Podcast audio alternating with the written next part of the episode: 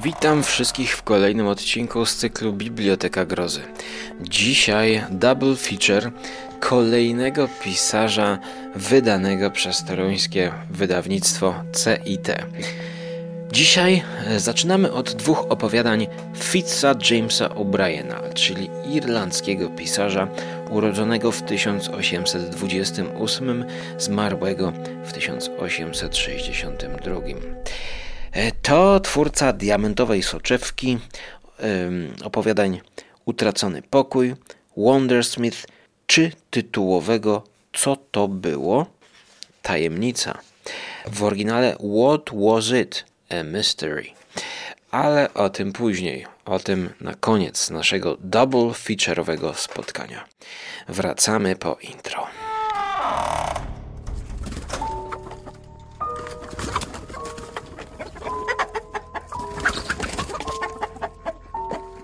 Audycje sponsorują patroni audycji skóry. Zapraszam na Patronite i dziękuję za wsparcie. No, zacznijmy od tego, co ja niechronologicznie zacząłem czytać. Mianowicie Sztabka Złota. To dlatego, że nagrywam to 29 grudnia, a czytałem to wtedy, kiedy był ten gigantyczny atak zimy. I właśnie Golden Ignot Ingot, e, Sztabka Złota, e, to e, opowiastka króciutka, która rozpoczyna się zimą. I szczerze powiedziawszy, kiedy kupiłem ten nowy zbiorek, wydany właśnie w 2022 roku, chciałem zacząć to czytać, dlatego że jest to dosyć no, standardowa długość, jak na Bibliotekę Grozy ostatnio, chociaż no, może nawet krótsza. Tutaj mamy 170 stron. E, dużo jest tych opowiadań. Raz, dwa, trzy, cztery, pięć, sześć, siedem, osiem. E, I chciałem coś, co szybko mnie zwabi.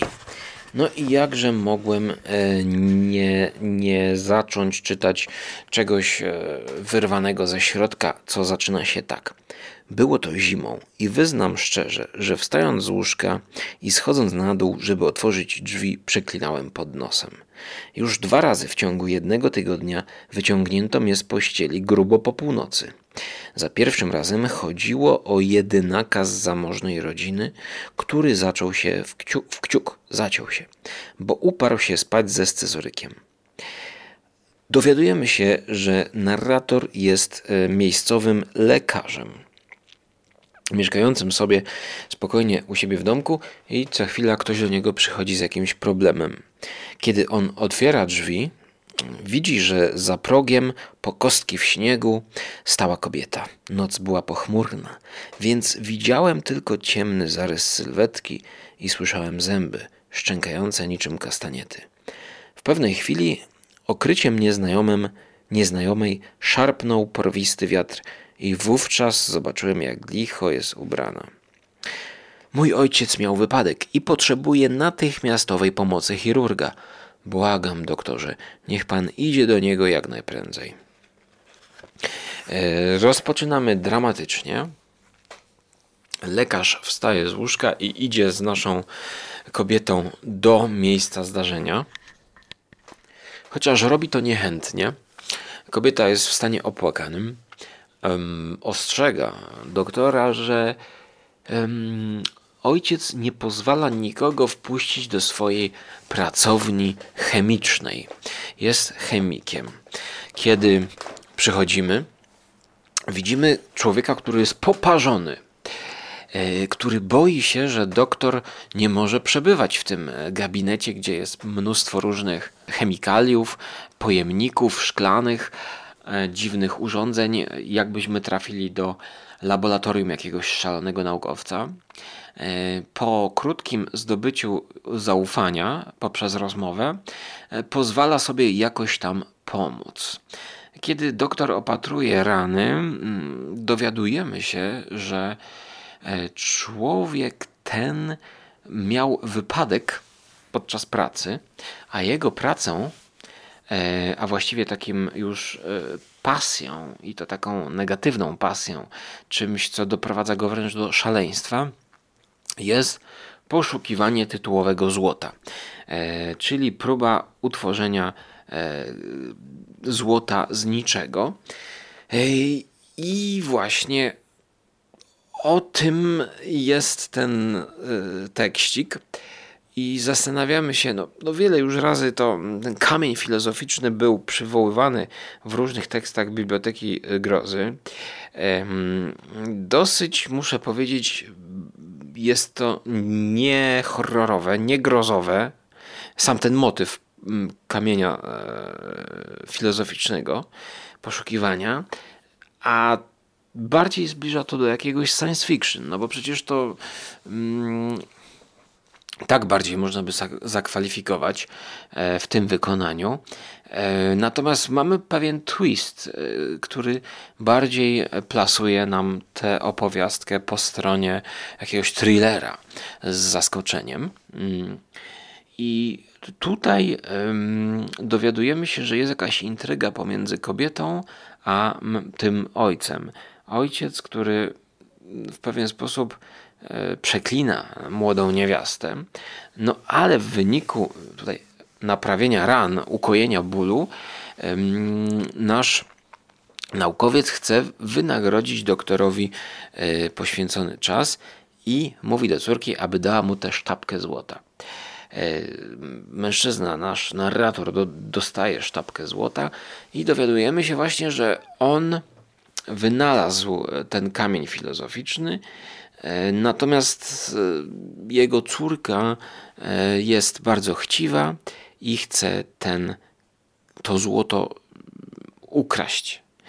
I kiedy nasz narrator wychodzi z tego mieszkania, to taka najdziwniejsza scena w tekście to moment, w którym kobieta podchodzi do narratora i mówi: Przepraszam, czy ja mogłabym odzyskać z powrotem tą sztabkę złota? Dlatego, że E, potrzebuję. No, nie mogę tłumaczyć. Proszę, proszę, proszę mi oddać tę stawkę złota. Na co nasz lekarz oburzony jej chciwością e, mówi, a masz kobieto, jest straszne, doprowadziłeś się do takiego stanu, a chodzisz w barchanach, e, jak możesz chcieć e, rzucać się na pieniądze. No tutaj właśnie już w tym pierwszym opowiadaniu e, narzucił mi się ten taki e, rolling joke o, o tym, że Szkoci i może Irlandczycy są chciwi, tak? Typowy żart o Szkotach to Szkoci są ch chciwi, prawda? I, I na tym się opiera żart, tak jak prawda, dowcipy o, o, o, Żydach, którzy oszczędzają, czy o Polakach, e, którzy właściwie są, nie wiem, jakimiś wieśniakami, e, to tutaj e, to nie pierwsze opowiadanie, gdzie dużą rolę odgrywają pieniądze. I Największe zaskoczenie, tutaj uwaga ze spoilerami, tak streszczam te opowieści e, dla tych, którzy e, nie chcą czytać starych tekstów, no bo przecież to jest, no, no ma już swoje lata, ta groza przypruszona e, kurzem nie straszy w tym opowiadaniu, bo tutaj opiera się to na odkryciu tego, że kobieta bierze tę sztabkę złota i z powrotem wrzuca ją do garnka, w którym to złoto jest e, tworzone. Po to, aby mm, ten starszy człowiek, ten, ten, ten naukowiec myślał, że ponownie stworzył to złoto. E, przepraszam, tutaj jakby na odwrót jest to. Kiedy ten, ta, ta odwrotka będzie jeszcze później, zaraz do tego dojdę, więc ta kobieta zabiera złoto, aby móc to złoto podłożyć naszemu naukowcowi. E, następnie mm, spotyka się kobieta znowu z tym narratorem i tłumaczy mu właśnie całą sytuację. Tłumaczy mu sytuację, że e, musi odkryć tajemnicę przed ojcem, e, bo nie może już chyba dłużej wytrzymać i właściwie to doprowadza go do szaleństwa i że to będzie go utwierdzać w tym przekonaniu. Mianowicie ona jest szwaczką, która oszczędzała pieniądze po to, aby właśnie kupić złoto, jedną sztabkę złota. I ojciec myślał, że ona przepuszcza te, te złoto pieniądze, a ona tak naprawdę mu za każdym razem podkładała i brała winę na siebie, udając przed nim, że to ona wydaje te pieniądze na jakieś e, przyjemności. Chcąc udowodnić mu, znaczy wkręcić mu, tak, oszukać go, sprankować go na dłuższą metę, no, że on potrafi stworzyć e, złoto, czyli że odkrył, jak stworzyć kamień filozoficzny. A to dlatego, że widziała, jak ojciec spalał się, tym razem metaforycznie, spalał się, próbując właśnie odkryć sposób utworzenia złota z niczego. I właśnie to na tym opiera się, na, na, na, na tej empatii córki, e, która, która widzi no, niekończące się starania ojca, mm, aby no, polepszyć ten świat w jakiś sposób, dokonać odkrycia. I właśnie na takim swoistym oszustwie w dobrym celu.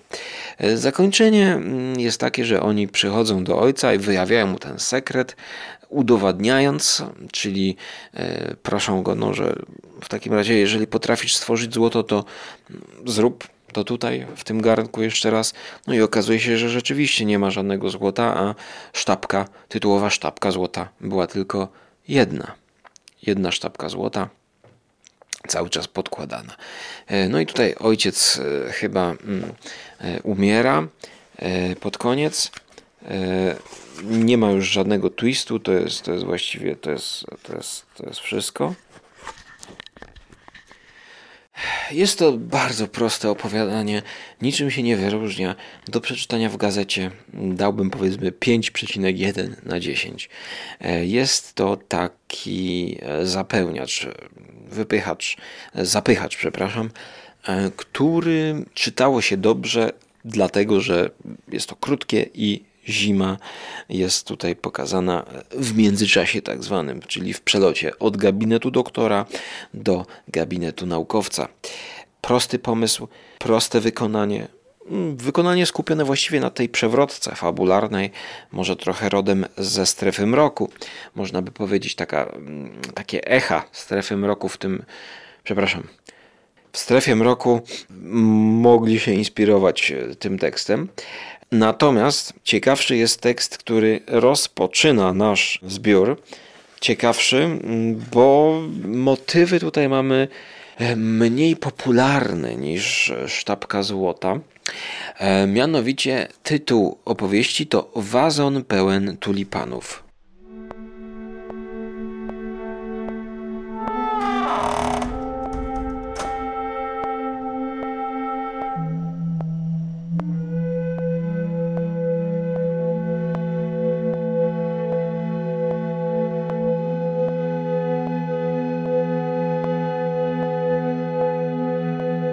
Tytuł opowieści to Wazon pełen tulipanów. Choć mamy tutaj motyw ducha, mm, ducha, który jest przypisany do e, pewnej posiadłości. E, posiadłości starej holenderskiej willi, e, który to pałac został postawiony wokół Madison Square Garden, przepraszam, Madison Square samego.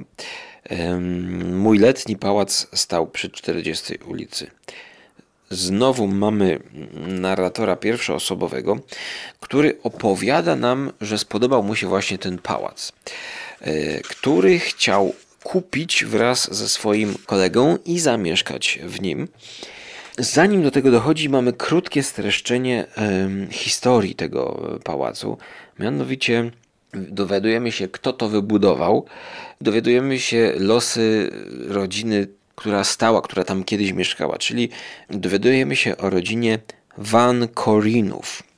Ta rodzina to była zamieszana w taki sposób, no, jakiś tam, nie, nie będę streszczał tych, tych wszystkich um, współzależności i drzewa genealogicznego. W każdym razie był tam architekt, twórca, który, który mieszkał, ale też jego córka. E, I to właśnie ta córka córka, no nie powiem spadkobierczyni jak na razie te, tego majątku, bo właśnie na tym się opiera tutaj e, twist. Córka w jakiś sposób wpadła w oko naszemu narratorowi. I po części narrator, aby latem wypocząć, tutaj mamy wakacyjne opowiadanie, e, z jednej strony chce zamieszkać w pałacu, pojechać na swoiste wakacje, wypocząć, a z drugiej strony chce się zbliżyć do tej córki, bodajże Alishi Van Corin, bo czuje, jak pisze narrator, czuje, że losy tej kobiety są jakoś powiązane z tym e, pałacem. E, no i te losy są streszczone na trzech stronach, około tam takich, taka, można by powiedzieć, historyczna wstawka, która rzeczywiście w tym opowiadaniu jest potrzebna, a to dlatego, że właśnie ten e, duch tego Van Corina ukazuje się pewnej nocy głównemu bohaterowi, narratorowi ukazuje się, i tutaj ta, ta, ta, ten nowatorski pomysł, e, uwaga, tutaj mówię trochę pół żartem, pół serio, duch nie może mówić i ukazuje się pod pachą, trzymając wazon pełen tulipanów. E, czyli właśnie tak jak w naszym opowiadaniu w oryginale The Pot of Tulips. Jako, że jest to ten holenderski e, pałac, i, i to, był, to była rodzina Holendrów, która gdzieś do Anglii tam przyjechała, sprowadziła się, to y, fascynacja tymi cebulkami tulipanów jest tutaj jak najbardziej uzasadniona bo przecież mieliśmy historyczną sytuację tej, tej bańki tulipanowej, gdzie ludzie inwestowali w tulipany mocno, e, tracili fortuny częstokroć i te tulipany były bardzo popularnymi kwiatami, które właśnie, którymi właśnie ozdabiano pałace. No to tutaj ten wazon tulipanów interpretuje to nasz narrator, że to musi być jakiś przekaz. Musi być to jakiś przekaz, gdzie, gdzie, gdzie duch chce coś powiedzieć. No i wszyscy wiedzą, że jakaś fortuna mogła stać za tym, więc y, wraz ze swoim kolegą szukają, szukają, przekopują wszystkie grządki, gdzie rosły tulipany. No ale za drugim razem, kiedy się ukazuje ten um, duch, to ukazuje się ze swoją żoną, Tutaj też nawiązanie do tej historii. I ten kolega dostrzegł, że na tym wazonie tulipanów jest jakiś wzorek, który jakoś mu się skojarzył, że tam jest taka skrytka przy kominku i że tam jest taki wazon chyba przy kominku i że trzeba tam poszperać. No i mm, okazuje się, że to właśnie gdzieś tam przy kominku jest taka skrytka i tam są za tym wazonem tulipanów schowane e, pieniądze i cały spadek. I właściwie mm, ta córka, która przez ojca Van Corina była e, potępiona, to to, to, to, to zostaje z, z, nie, zrewitalizowana, to, to niepasujące słowo, to zostaje wybaczone, i tam fortuna zostaje dla niej jakby na nowo przypisana. Bodajże chyba jakiś list tam też jest właśnie, że, że jakaś fortuna gdzieś jest i że dla jej córki ona ma być. No i tutaj też jest taki mocny happy end, że mamy zasugerowane, że, że ten narrator będzie właśnie, no, spiknie się z naszą Alicją i będą żyli długo, długo i szczęśliwie i w dostatku i e, z tulipanami będą wszędzie, wszędzie będą rosły tulipany.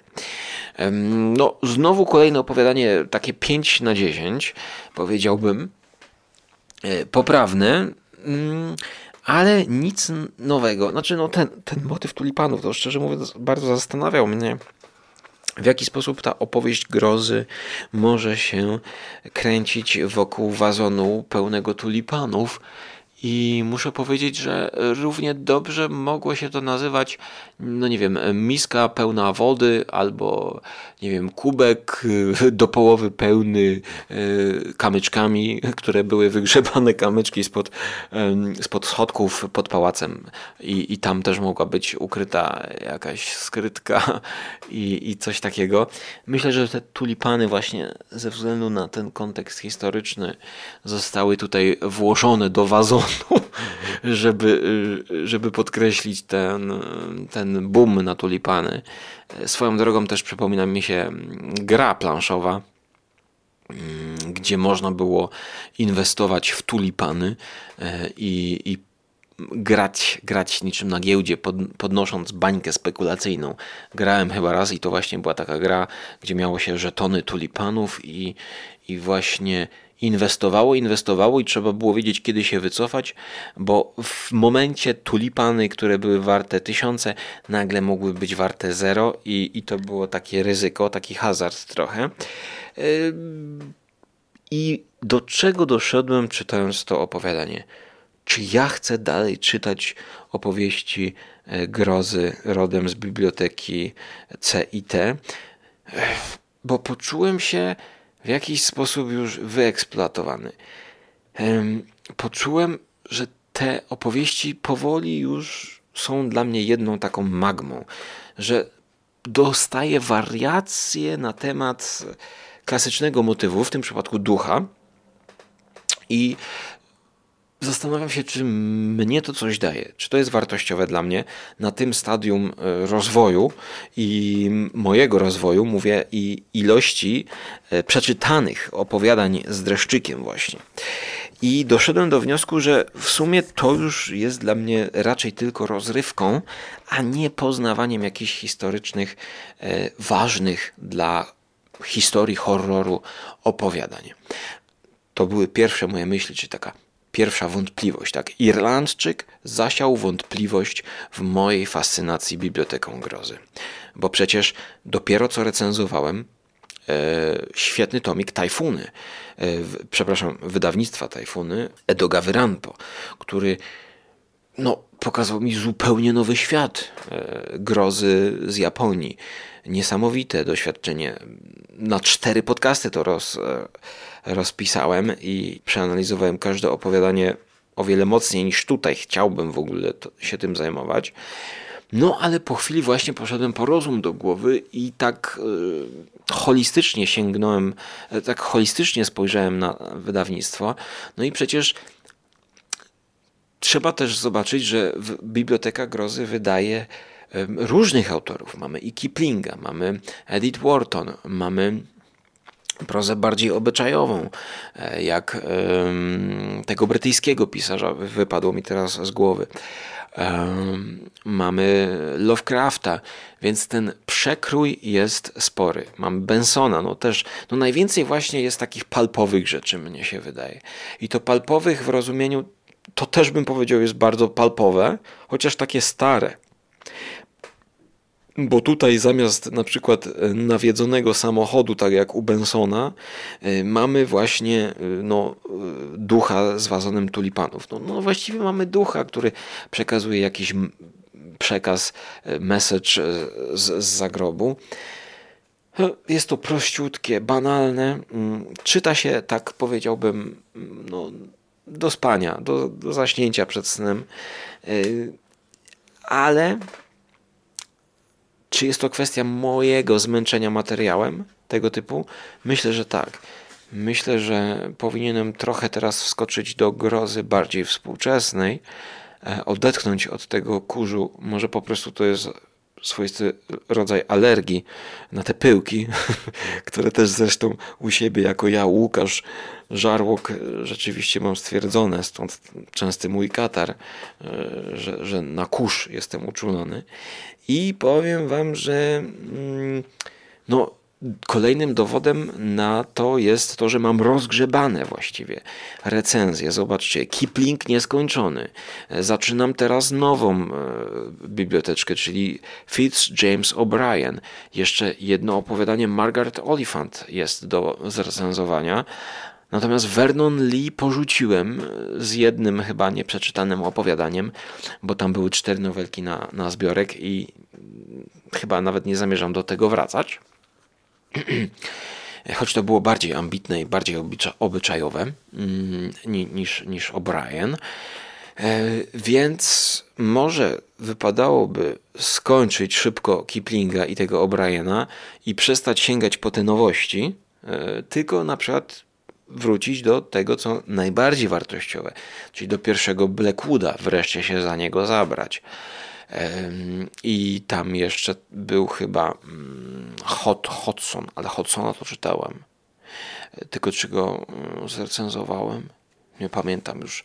E, wiecie o czym mówię. Mm, I tak chyba będę robił, że spróbuję zakończyć te luźne e, ostatnie wydawnictwa. No i do tego Blackwooda. Ja myślę, że na wakacje tego Blackwooda to by tak pasowało. No tym bardziej, że dwa tomy są no a z drugiej strony e, najbardziej to pociąga mnie ostatnio chęć powrotu do Roberta Eichmana, czyli tego, tego weirdu brytyjskiego, który był wspaniały. Czyli trzeba jeszcze zrecenzować drugi tom, e, bo w głębi lasu już, przepraszam, w głębi lasu i ukryty pokój. Dwa tomy z wydawnictwa dziewiątka bodajże. Jeden został w całości zrecenzowany i to było bardzo ciekawe. Ożywcze właśnie, przy, przykurzone, ale ożywcze. Natomiast tutaj to jest mocno dziaderskie, powiedzmy szczerze. Ten Fitz O'Brien to jest po prostu, to jest mielenie, przemielanie tych motywów. Tutaj nie ma nic nowego, jak na te dwa opowiadania, które wam streściłem. Jak będzie w przyszłości? Nie wiem. Czy śnieg wróci? Nie wiem, ale w następnym podcaście e, poczytamy opowiadanie właśnie chwalona diamentowa soczewka i reprezentant świata cyganerii. Te dwa opowiadania na pewno weźmiemy na warsztat. E, no, a jak będzie coraz gorzej, to sięgniemy do tytułowego, co to było. A to była tajemnica. Ale e, jak to będzie, jak to się ułoży, to na stan dzisiejszy, teraźniejszy, to jest tajemnica. Tak więc nie będę dalej już lał wody bo wolę oszczędzać. Tak, tak po irlandzku i szkocku oszczędzam słowa, więc do usłyszenia w przyszłości.